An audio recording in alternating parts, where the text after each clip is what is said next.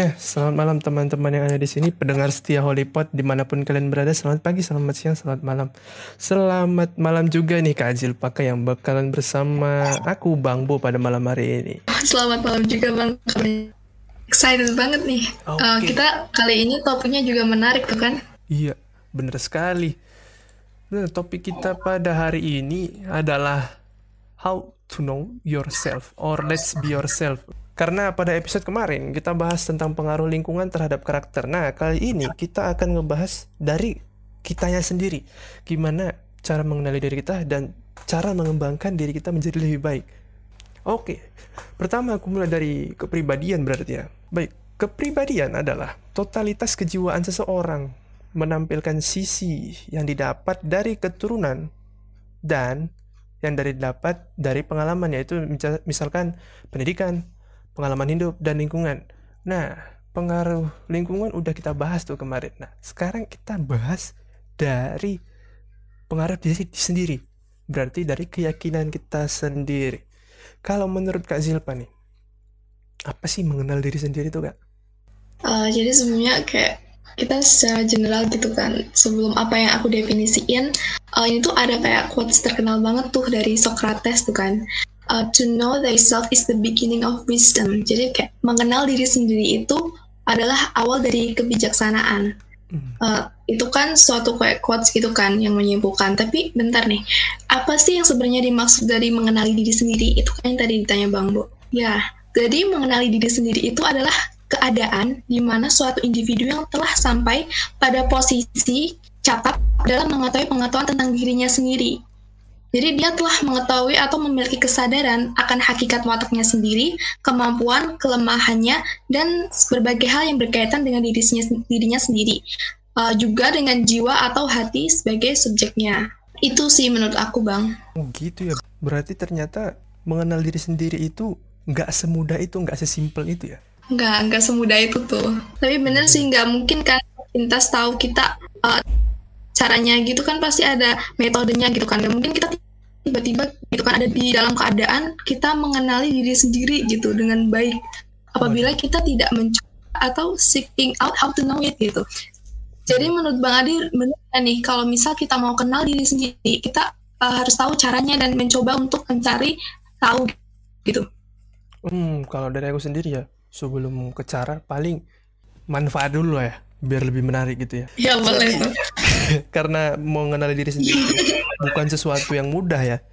Jadi kita harus membahas manfaatnya terlebih dahulu supaya orang lebih tertarik mengenali dirinya sendiri. Ya Pertama tuh.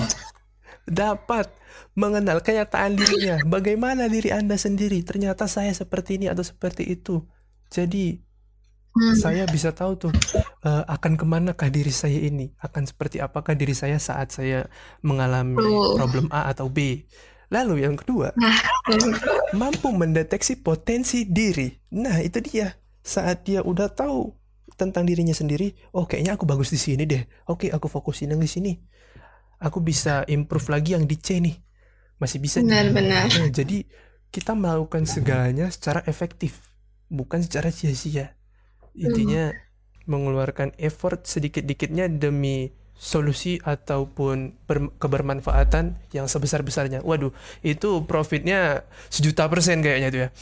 Yang ketiga nih, mengetahui kelemahan dan kelebihan. Nah, ini dia. Saat kita udah tahu kelemahan kelebihan, kita bisa eh, fokus dengan apa yang kita buat, lalu kita bisa lagi men- menentukan tujuan hidup kita, malah sampai ke tujuan hidupnya.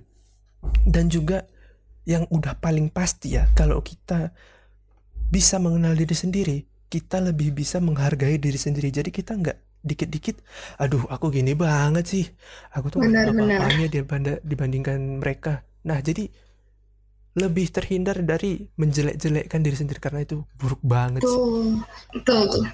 Tuh banget tuh asli. Juga bisa kayak lebih misal aware ke, sama, eh, ke diri sendiri gitu kan. Jadi bisa tahu kebahagiaan diri gitu. Nah. Kalau kita lebih bahagia kalau kita tahu diri kita, kita bisa mengekspresikan siapa diri kita gitu kan.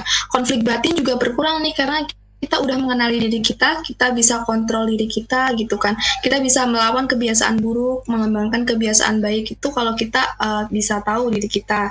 Terus resistensi terhadap tekanan sosial gitu kan. Jadi kita tegas nih karena kita tahu poin atau preferensi kita yang kita bisa katakan iya atau baik untuk diri kita atau kita katakan tidak karena kita tahu itu nggak bagus buat diri kita gitu kan.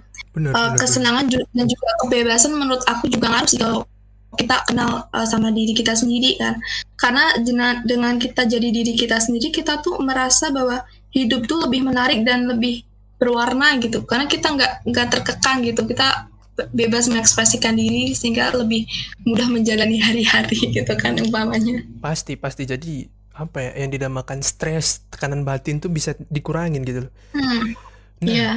udah pasti ya kalau yang tadi ditanyain how to ya berarti ya how to know yourself. Ya benar. How to know yourself. kalau dari apa yang aku baca ya ternyata how to know ourselves it's not a simple thing. Karena caranya adalah dari form perkembangan ataupun experience kita jadi kita lebih aware ke apa yang telah kita lakukan selama bertahun-tahun. Misalkan kita mau kenal diri kita setelah beranjak usia contohnya 17 atau kayak aku 21 tahun. Jadi aku harus nge nge-reminder ataupun ngebahas ulang lagi ini selama 21 tahun aku ngapain aja ya itu perkembangan aku gimana aja ya aku lebih berkembangnya di mana nah jadi emang agak susah. Kecuali ya kamu mau mengenali diri kamu mulai dari umur satu tahun ya. Keren jadinya nanti. Yeah. lalu? Kurang kerjaan banget tapi. Ya itu from inside paling penting. Uh, how to know ourselves from yeah. self diagnostic lalu ada pun cara-cara dari outside dari luar luar pemahaman. Contohnya kita menggunakan hmm. tes-tes bakat gitu loh yang tes bakat ataupun tes kepribadian nah itu from outside nah. aku aku sebutnya jadi kita bisa mencocokkan hasil dari tes kepribadian ataupun tes bakat yang kita ikuti benar nggak sih ini? Tapi cara kita tahu benar atau enggak pastinya harus kita coba dong. Iya. Nah, itu dia. Kita harus ngecoba tadi hasil dari tes-tes yang udah kita lalui dan kita percaya akan tes itu. Coba aja dulu. Karena hmm. kalau memang ingin mengetahui diri sendiri, kita nggak boleh denying. Ini sih paling penting. Kita nggak boleh denying. Karena kalau misalkan kita udah denying dari diri sendiri itu susah nerimanya. Nanti malah lah kok aku kayak gini sih. Kayaknya aku nggak kayak gini deh. Hmm. malah malah berputar pada pikiran sendiri. Nah kalau misalkan nih kita udah bisa melepaskan konsep paling susah sih ini memang denying. Konsep paling susah denying hmm. ini kita bakalan lebih gampang untuk menerima masukan dari orang contohnya pandangan dari orang hmm. terkait diri kita karena emang pada dasarnya kita sangat mudah untuk menilai orang, bener nggak? Tuh, tuh banget tuh. Eh, Gampang banget kayak kan. gini nih. Oh, oh, dia tuh kayak gitu orangnya. Iya, kita sangat mudah menilai karena emang kita nggak perlu denying terkait penilaian kita terhadap orang, tapi kita selalu hmm. denying atas penilaian diri sendiri. Waduh, keren sekali. Manusia able. Uh, yang kayak kata Bang Adin in, dari insight kayak yang uh, identifikasi diri gitu kan kayak kelebihan kelemahan lebih ke kayak konsep SWOT gitu nggak sih Bang yang SWOT itu? Ya, cara paling gampang lah ya kalau misalkan hmm. untuk menilai diri sendiri kayak SWOT per uh, itu kan tapi masih konsepnya luas banget ya SWOT. Uh, iya sih kata Bang Adin juga itu emang konsep paling mudah tapi ya emang luas gitu masih general banget. Hmm. Tapi itu sebenarnya bener loh kayak kata bang Adi kalau mau identifikasi yang jelas dari satu tahun tapi sebenarnya kayak konsep SWOT itu udah dikenal di kayak uh, ruang lingkup kayak sekolah itu udah dikenalin sih karena ini aku bisa bilang kayak banyak banget diterapin ya walaupun itu kayak masih luas banget gitu karena aku ngalamin disuruh bikin kayak analisis SWOT ini udah mulai diterapin dari SMP ya guys ya, sekitar uh, sekitar SMP-an terus bahkan salah satu mat tak kuliah semester lalu itu aku juga kita tuh sekelas disuruh kayak ekspres diri kita melalui SPOT gitu kan ya kayak strength, ah. weakness, opportunity and threat mm -hmm. gitu. Nah, konsep ini bisa mengenali diri sendiri gitu berdasarkan faktor internal tadi yang weakness sama strength terus uh, faktor eksternalnya yang opportunity sama threat gitu kan kesempatan dan juga ancaman gitu uh, kalau yang oh, tes lainnya mungkin ada sih. Kayak aku pikiran tuh kayak yang banyak banget gitu yang uh, yang ngakuin tes ini secara online gitu. Hmm, pernah dengar MBTI iya MBTI itu pernah nggak bang dengar uh, uh, yang kayak nah, tes kepribadian online itu, kan ya uh, populer banget banget banget. Kayak hmm. banyak yang coba gitu. Terus aku baca sih itu lebih menurut aku lebih spesifik ya untuk Bener. mengetahui uh, kepribadian kita dibanding yang SBOT yang general banget gitu. Karena aku baca di jurnal katanya sih tes itu banyak digunakan oleh psikolog dan 90% akurat jadi bolehlah dicoba dan daripada kita kayak SWOT terus menerus terus kan kayak bingung gitu kan. Kadang ada poin yang kita nggak cukup yakin jadi benar, benar. kayak memandang diri sendiri yang katanya tadi rendah gitu kan kayak worthless gitu. Bahaya bahayanya juga tuh kita yakin sama poin itu gitu kan. Terus uh, poin yang itu salah terus subconscious kita atau uh, alam bawah sadar kita juga agree gitu. Jadinya tuh malah jadi afirmasi negatif buat diri kita sendiri gitu.